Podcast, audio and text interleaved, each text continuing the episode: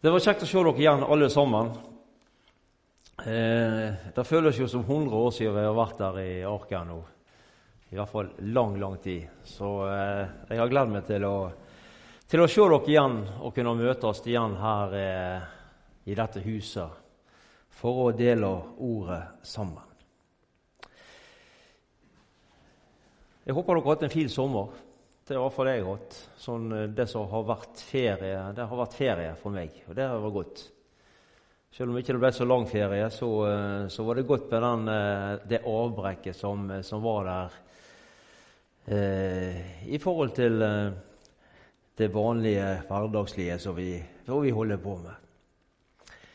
I dag så eh, skal vi gå til Lukas. Vi skal dele noen ord eller vi skal, dele, vi skal lese hele kapittel 15 i Lukas evangelium.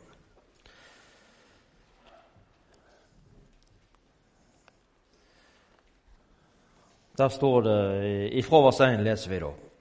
Tollere og syndere holdt seg nær til Jesus for å høre han. Fariseerne og de skriftlærde ble eh, forarget over dette og sa:" Denne mannen tar imot syndere og spiser sammen med dem. Da fortalte han dem en lignelse.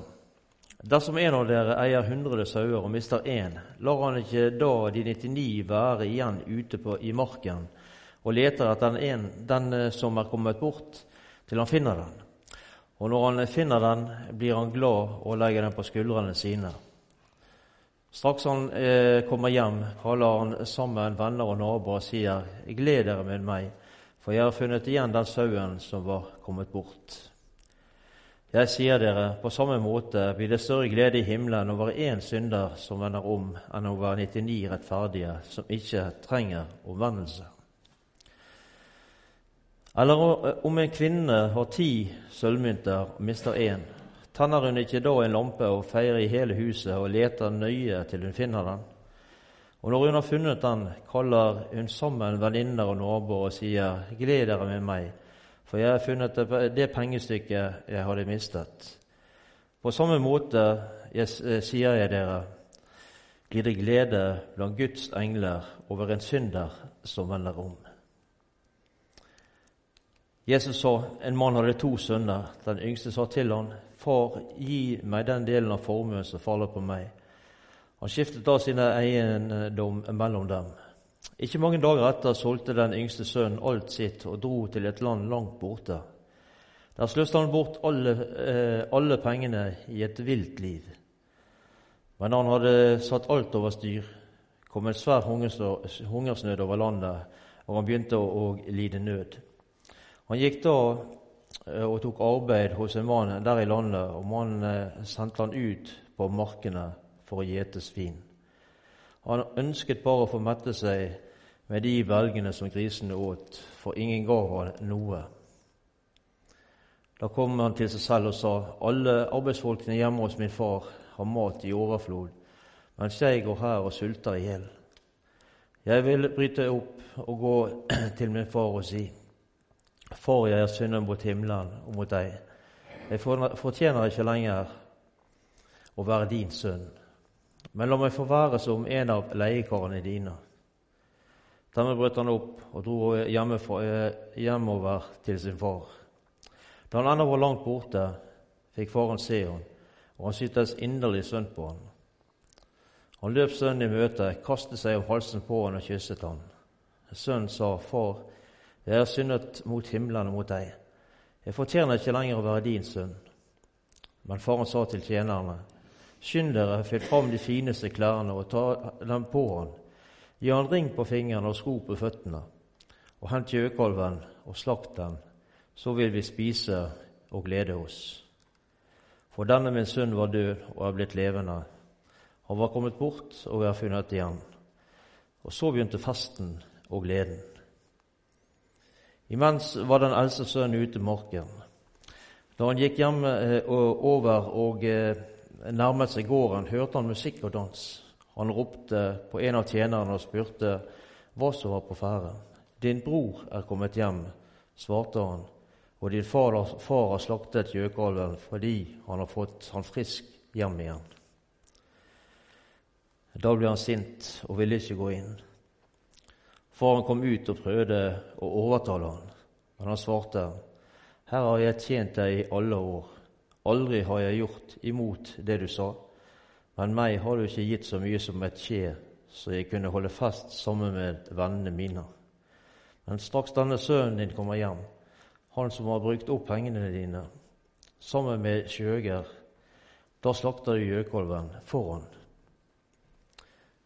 Faren sa til han, Min sønn, du er alltid hos meg, og alt mitt er ditt. Men nå skal vi holde fast og være glade, for han, din bror, var død og ble blitt levende. Han var, han var eh, kommet bort og funnet igjen. En lang tekst, men eh, disse lignelsene her eh, som vi nå har lest, så eh, de må vi, vi må se dem litt i sammenheng med hverandre. Dette kapittelet her i Lukas evangeliet, det som vi leser nå, det er blitt kalt evangeliet i evangeliet. Dette taler veldig sterkt om Guds store kjærlighet overfor oss mennesker, overfor angrende syndere. Og Kapittel 15 den begynner med å fortelle oss noe om tollere og syndere. De jobba for romerne og passet på å berike seg sjøl gjennom det som de lå putta i sine egne lommer. Ordet 'synder', som også står her i innledningen på kapittelet, står enten for mennesker som hadde forbrutt seg mot moralsk sett, eller for eh, slike som ikke fulgte loven. Og slike mennesker de ble utstøtta fra jødenes religiøse og nasjonale liv. Og Disse menneskene holdt seg nå nær Jesus for å høre hva han hadde å si. Men dette likte jo ikke fariseerne og de skriftlærte, som følte seg mye bedre enn både tollere og syndere. Det var et, et klart skille mellom fariseerne i fariseernes øyne, mellom de sjøl og menneskene som eh, nå Jesus gikk sammen med, som flokka seg rundt Jesus. Og det sjokkerte dem at Jesus hadde en så fri omgangsform, kan vi si, mellom disse menneskene. Fariseerne så ikke fram mot at Gud skulle frelse syndere, men at han skulle straffe dem. Da var det Jesus henvendte seg til fariseerne og de skriftlærde og fortalte de disse lignelsene som vi nå har, har lest.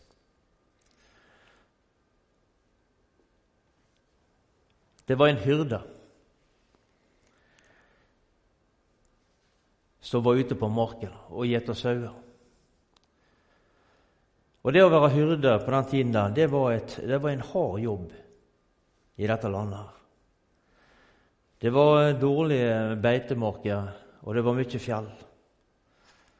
Og hyrden sjøl sto personlig ansvarlig for sauene. Hvis han mista en sau, så måtte han ja, så måtte han eh, finne han igjen. Og det var det som fikk all oppmerksomheten til denne her eh, hyrden denne dagen, i denne lignelsen. Han var fast bestand på å finne igjen denne sauen som var kommet bort. Og vi kan godt si at eh, det, var, det, et, det var et utrolig godt menneske, dette her. For en omsorg han viste for denne ene sauen. Det var ikke av noen egeninteresse Det var ikke det som drev han. At de 99 andre sauene var trygge, det var ikke nok. Tapet er relativt lite i forhold til det han hadde igjen, og allikevel så var han oppsatt på å finne disse, denne sauen som var kommet bort. Og hva skjedde når, eh, når hyrden hadde funnet denne sauen? Han verken driver han foran seg eller trekker han etter seg. Nei, han løfter han opp på skuldrene sine og plasserer han der. Og han gleder seg over å ha funnet denne igjen. Man legger merke til én ting. Dette fåret, denne sauen som gikk bort Han gikk ikke bort av egen fri vilje, eller han gikk bort av egen fri vilje. Av egen dårskap og uvitenhet. Det var ingen som jaga denne sauen bort ifra flokken. Nei, han gikk av egen fri vilje. Og vi skal gå til eh, Salme 119. Den salme salmen som eh, har mange, mange vers, og vi skal gå til det 176. verset, det siste verset i Salme 119. Jeg har gått meg vill som en bortkommen sau. Let etter meg, din tjener, for jeg har ikke glemt dine bud. Og Vi skal gå videre til, eh, til 1. Peters brev. Og Da skal vi lese i, i 1. Eh, Peters brev kapittel 1 og vers, eller kapittel 2 og vers 25. 1. Peterbrev kapittel 2 vers 25. Dere er som bortkomne sauer, men har nå vendt om til Han som er hyrde og tilsynsmann for deres sjeler.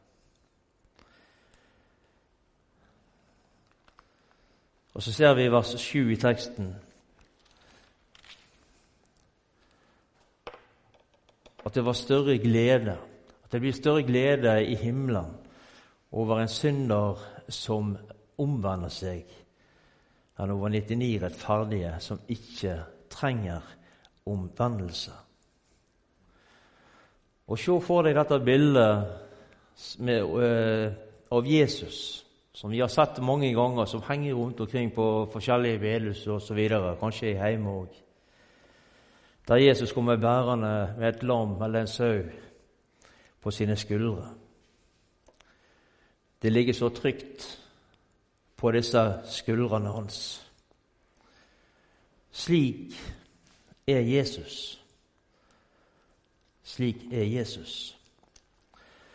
I eh, Markus kapittel 2 og eh, vers 17 Det er ikke de friske som trenger lege, men de syke. Jeg er ikke kommet for å kalle rettferdige, men syndere. Og Går vi til 1. Eh, Timoteus kapittel 1, så, eh, så leser vi i det 15. vers.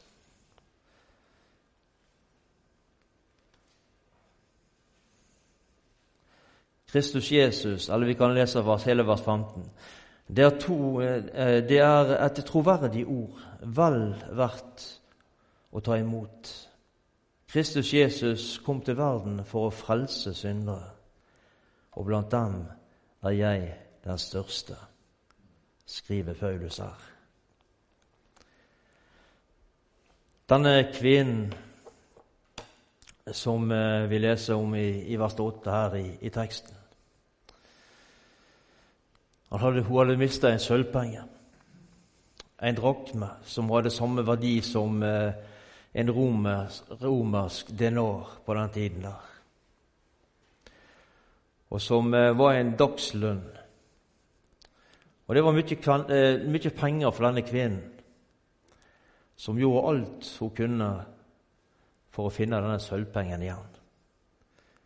Og på samme måte som det er stor glede, leste vi, når hun fant denne sølvpengen, på samme måte blir det glede blant Guds engler over en synder som omvender seg. Ingen fariseere tenkte på denne måten. Og det var uhørt for de dette. Derfor, for å bruke dette uttrykket, knurrer de mot Jesus. En mann hadde to sønner. Denne mannen er et, et bilde på Gud. De to sønnene representerer fariseere og, syndere. Begge er egentlig fortapt. Den ene ved sitt syndige liv, og den andre ved sin egen rettferdighet. Vers 12 i teksten så leste vi Den yngste sa til ham, Far, gi meg den delen av formuen som faller på meg. Etter jødisk lov så skulle den eldste av de to sønnene ha to deler, og den yngste ha én del. Den yngste hadde rett til sin del. Han hadde ingen rett til å kreve den så lenge faren levde. Han måtte i så fall be om det. Og det var nettopp det dette han gjorde. Og det var et høyst salvisk krav. Og salvisk det betyr, det samme som eh, ja, å være egoistisk eller selvopptatt. Det vil si at den yngste sønnen her viser i all høyeste grad at han er en egoistisk og selvopptatt kar. Faren deler eiendommen mellom de. Det vil si at den eldste Han hadde ikke bedt om noe, og, eh, men han fikk allikevel sin del. Og Dette er i samsvar med det som vi leser i, i 5. Mosebok. Hvis vi, leser, hvis de blar opp i 5. Mosebok kapittel 21, så står det litt om, eh, om dette. 5. Kapittel, 5. Mosebok kapittel 21 og vers 17. Han må godta den eh, førstefødte som en sønn til henne som ikke eh, som, ikke holder av, som han ikke holder av, og gi ham dobbelt arvelodd av alt det han eier. For han er den første frykt av hans manndom, og førstefødselsretten tilhører han.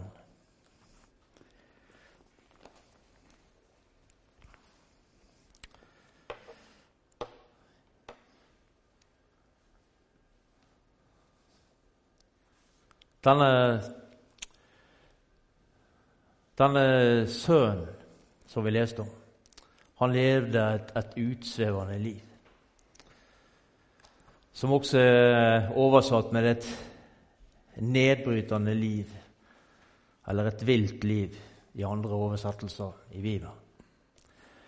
Og Det kan se ut som at denne yngste sønnen ikke hadde noen planer om å komme tilbake til farshuset.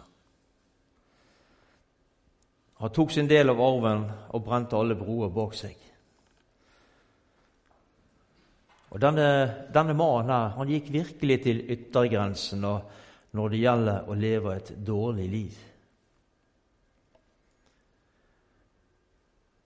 I, vers 14 så ser vi at uh, han opplever to katastrofer samtidig. Den ene var at det tok slutt på pengene. Og den andre er at det kommer hungersnød i landet. At han hadde brukt opp penger, det, det var hans egen feil. Og hungersnøden gjorde at han fikk det enda verre.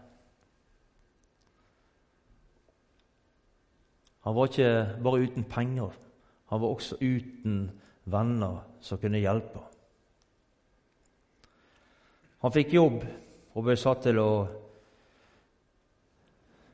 og passer passe på griser, gjeter griser, svin. Han var sulten, men det var ingen som gav han noe å spise.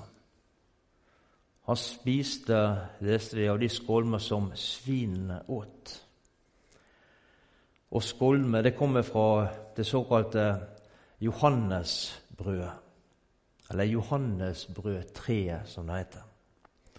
Det smakte søtt og ble i enkelte tilfeller brukt til menneskeføde, men var ellers egnet som dyrefôr. I utgangspunktet var ikke det noe mat som mennesket åt. Da skjedde det noe med denne gutten, denne mannen. Han fikk se sin ende, elendige stilling i lyset av den herlighet som han hadde forlatt hjemmefra. Han kommer til seg sjøl. Han begynner å se, se de forholdene som han lever under. Det virker som han våkna opp og så sin fortapte stilling.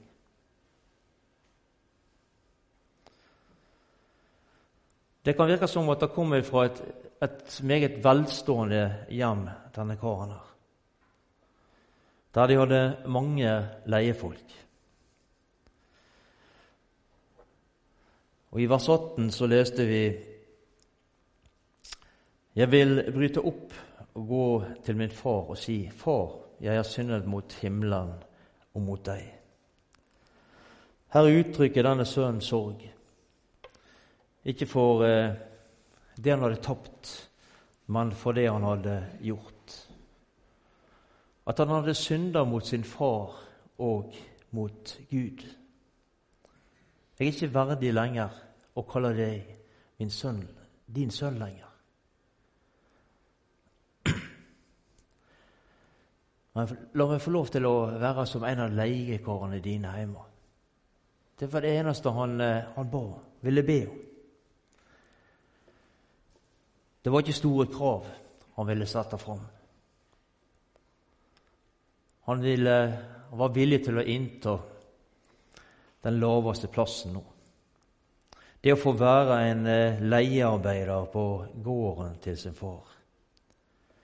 Det ville være en stor forfremmelse i forhold til det som han var oppi akkurat nå. Og I vers 20 så ser vi at beslutningene beslutningen er tatt. Han tar fatt på turen hjem til sin far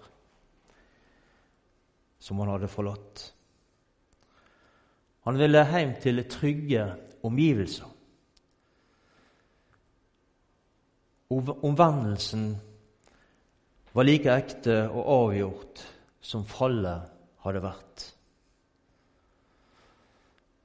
Han kom ikke med, med mange unnskyldninger. Han gikk ikke hjem til sin by eller til sitt hjem men til sin far. Og hans far så han langt, mens han var langt borte, leste vi. Og hva gjorde han? Ble han stående til sønnen eh, kom bort? Nei, han løp han i møte. Han kasta seg om halsen på han, og han kyssa han. Det var ingen pekefinger som var retta mot denne karen her. Ingen som fortalte hvor dårlig han hadde oppført seg. Ingen som viste han ryggen på grunn av det. Jeg er sikker på at denne her sønnen som var på vei hjem, og som nå så far et stykke borte Han hadde vært bekymra for eh, hvordan han ville bli mottatt når han traff faren. Ville han bli avvist, eller ville han bli møtt med tilgivelse? Og så blir han møtt på denne utrolige måten her, med så utrolig stor kjærlighet som denne faren viser. Far, jeg har syndet på himlene mot deg. Jeg har ikke lenger vært å kalle din sønn. Det var sikkert ikke lett å komme, denne, komme med denne bekjennelsen fra denne sønnen overfor sin far og overfor Gud.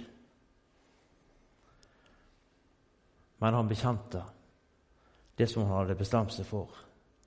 Og han ble fullstendig overvelda over den kjærlighet som han ble overøst med.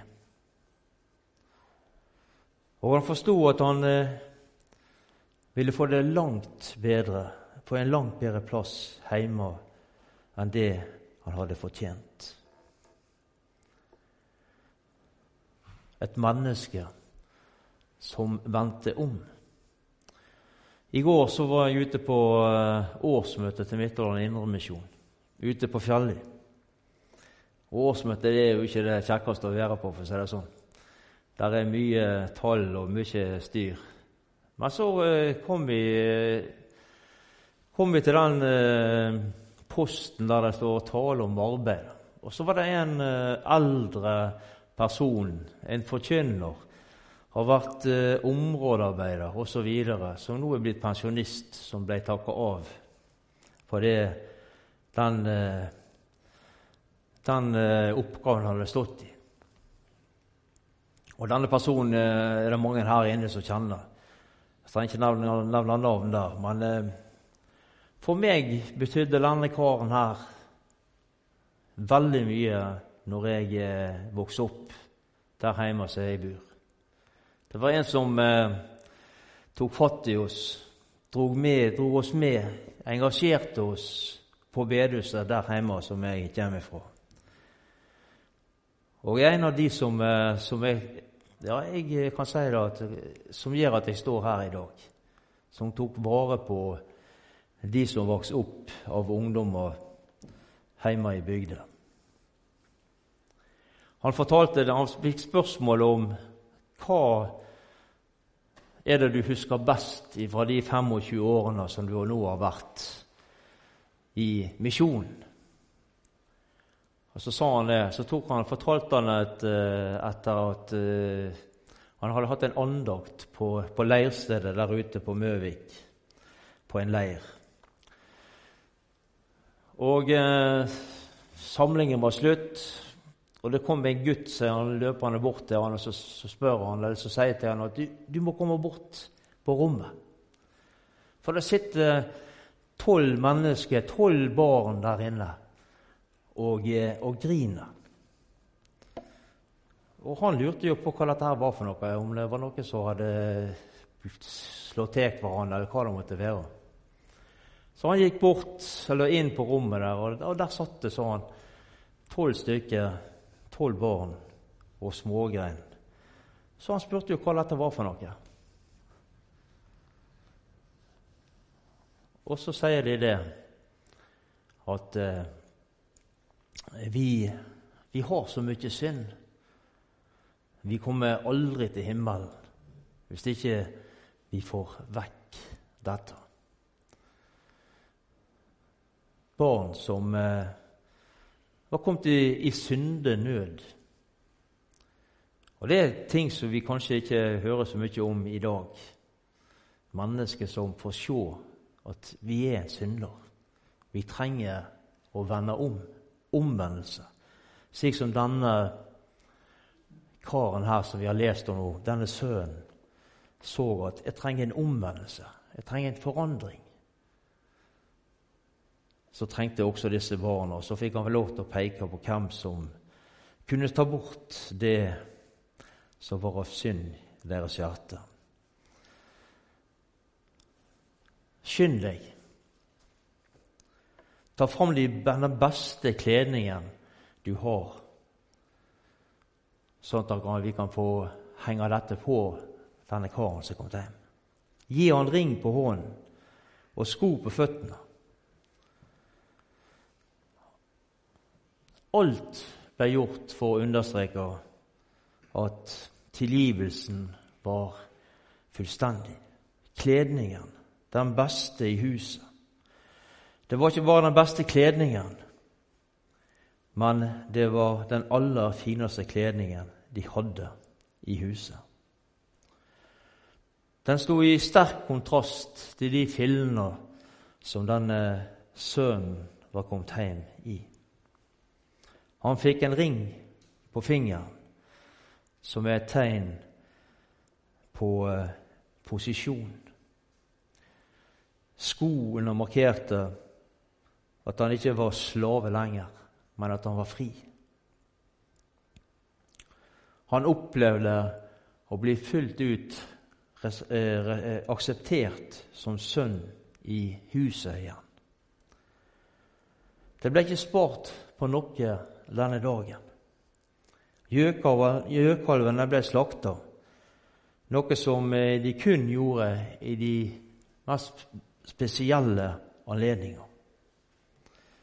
Og ingen anledning var bedre enn denne.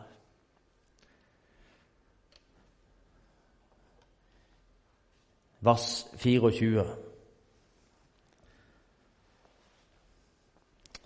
For denne sønnen min var død og er blitt levende. Han er kommet bort og er funnet igjen. Og så begynte fasten og gleden. Her ender den, denne første delen av lignelsen. Et fantastisk bilde på Jesus og hans kjærlighet overfor oss mennesker. Han står med åpne armer, og han tar imot oss for første gang, for tiende gang eller for tusende gang. Han støter ingen ifra seg. Han som vil at alle mennesker skal bli frelst. Ikke bare noen få utvalgte, men alle mennesker. Det er, det er fantastisk å tenke på uansett hvordan du har det.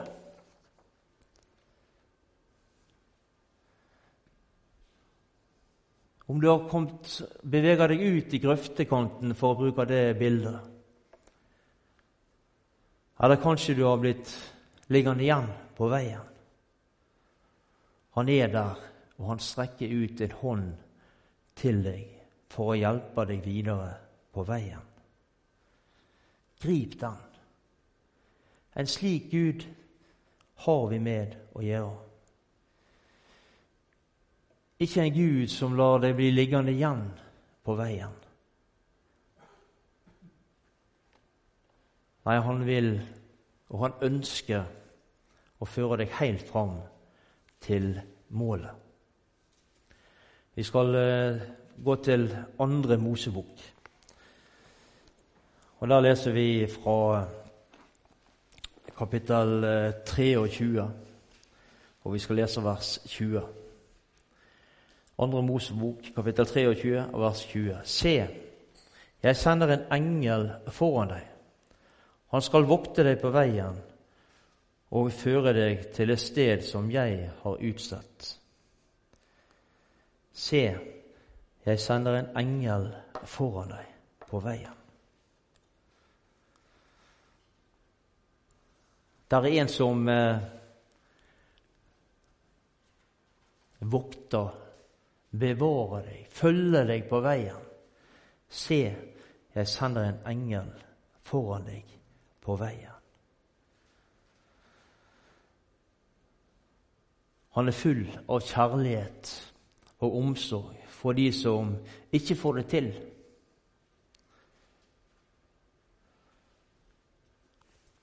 Hør, Jesus han har fått det til for deg. Og det gjorde han ved sitt blod som rant på korset for deg. Der han tok skyldbrevet bort og nagla det til korset. Han står med åpne armer, nett slik som denne far sto med åpne armer for denne hjemvendte sønnen og tok han i sin favn. Han står der med åpne armer for å ta deg inn i sin favn og sette deg på fanget sitt og ha et nært og fortrolig forhold til deg. Tør du, for å si det slik, slenge deg eller kaste deg i hans armer, i Frelserens armer? Tør du å gi slipp av kontrollen i ditt eget liv, og la Han få kontroll over ditt liv? Jesus han har så uendelig mye å gi deg. Han ønsker å gi deg alt han ser at du trenger i ditt liv. Vi blar opp i, eh, i Filipperbrevet.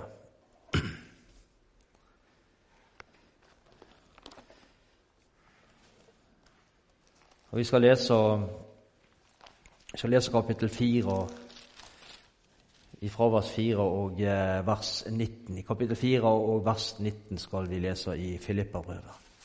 Det står litt forskjellige, forskjellige oversettelser der, men i 78-utgaven så står det slik Så skal min Gud, Han som er så rik på herlighet i Kristus Jesus, gi dere alt dere trenger.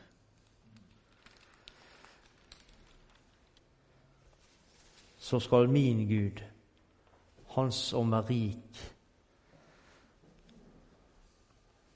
på herlighet i Kristus, gi dere alt dere trenger.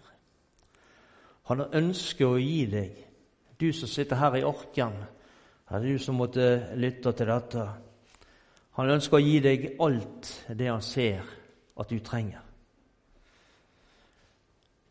Det skal du aldri tvile på. Men hvordan skal han få muligheten til dette? Hvordan skal han få muligheten til dette i ditt liv?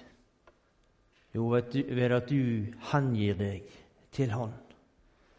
Ved at du kaster deg i Frelserens armer og lar Han ta kontroll i ditt liv, over ditt liv. Og ikke minst at du tar deg tid til å lytte til hva Han har å si til nettopp deg. Vi ber til Jesus om mange ting, og det er godt, og det er til Guds vilje.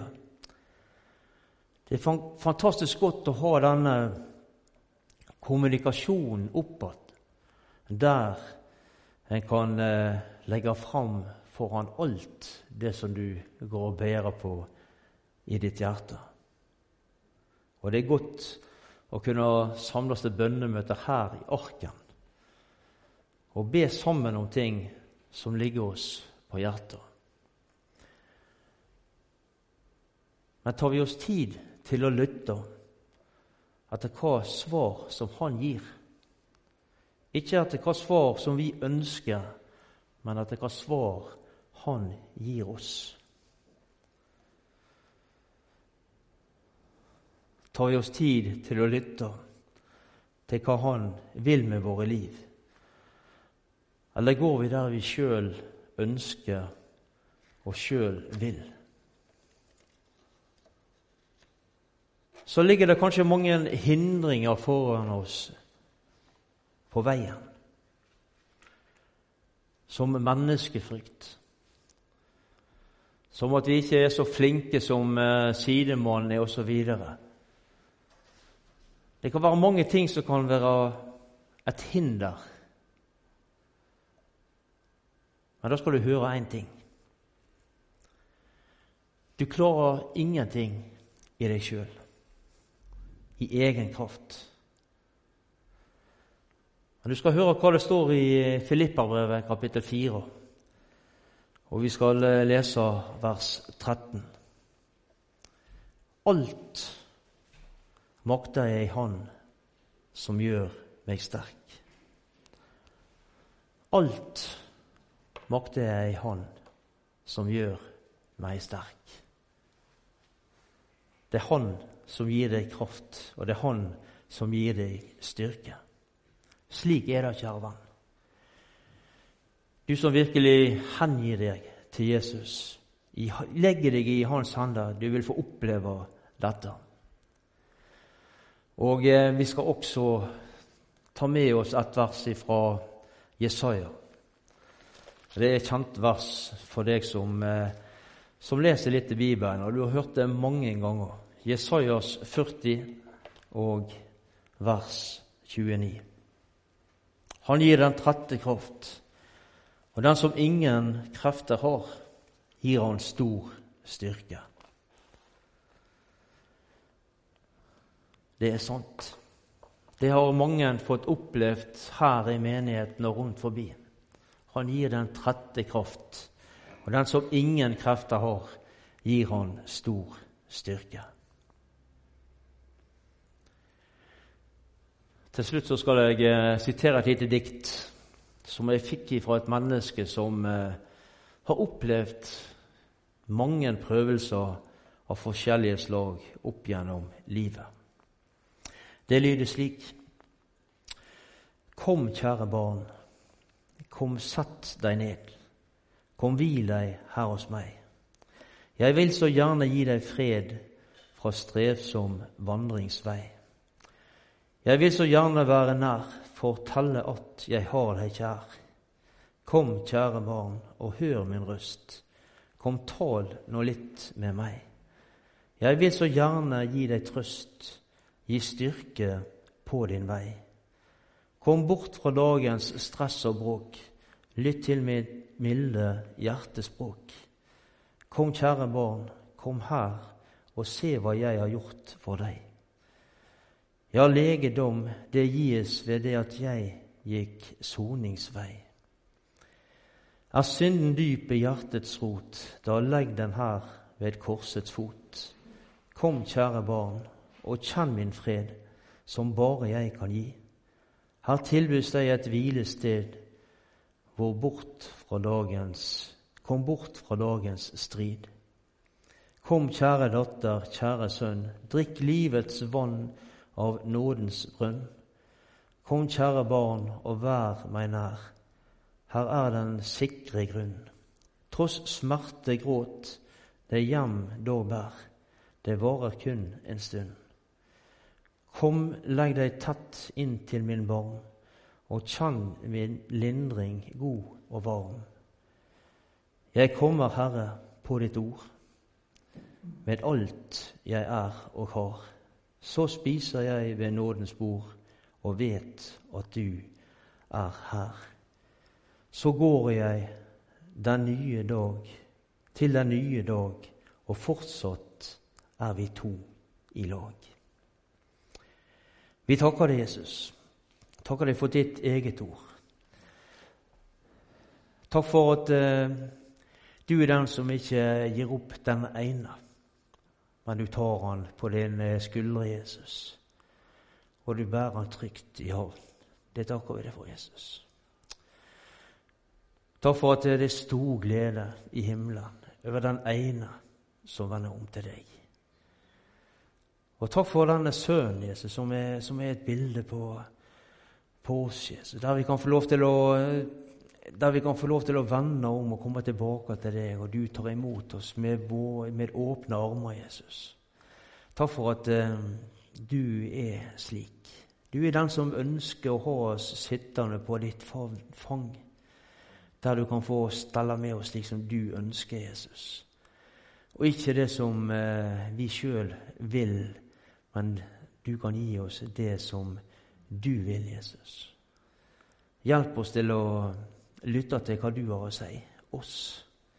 At ikke vi går våre egne veier, men at vi kan få gå dine veier, Jesus. Også med våre valg i, de, i våre liv, Jesus. Jeg tenker på eh, ungdommene som vokser opp her i, i Arken og rundt forbi her, Jesus. De har mange valg som, står foran, eh, som de står foran ovenfor Jesus. Må du, må du hjelpe dem til å ta de rette valg på veien videre, Jesus, gjennom livet. Hold din vernende hånd rundt, hånd rundt ungdommen vår, rundt eh, barna våre og rundt menigheten her for øvrig, Jesus. Det ber vi om i ditt hellige navn. Amen.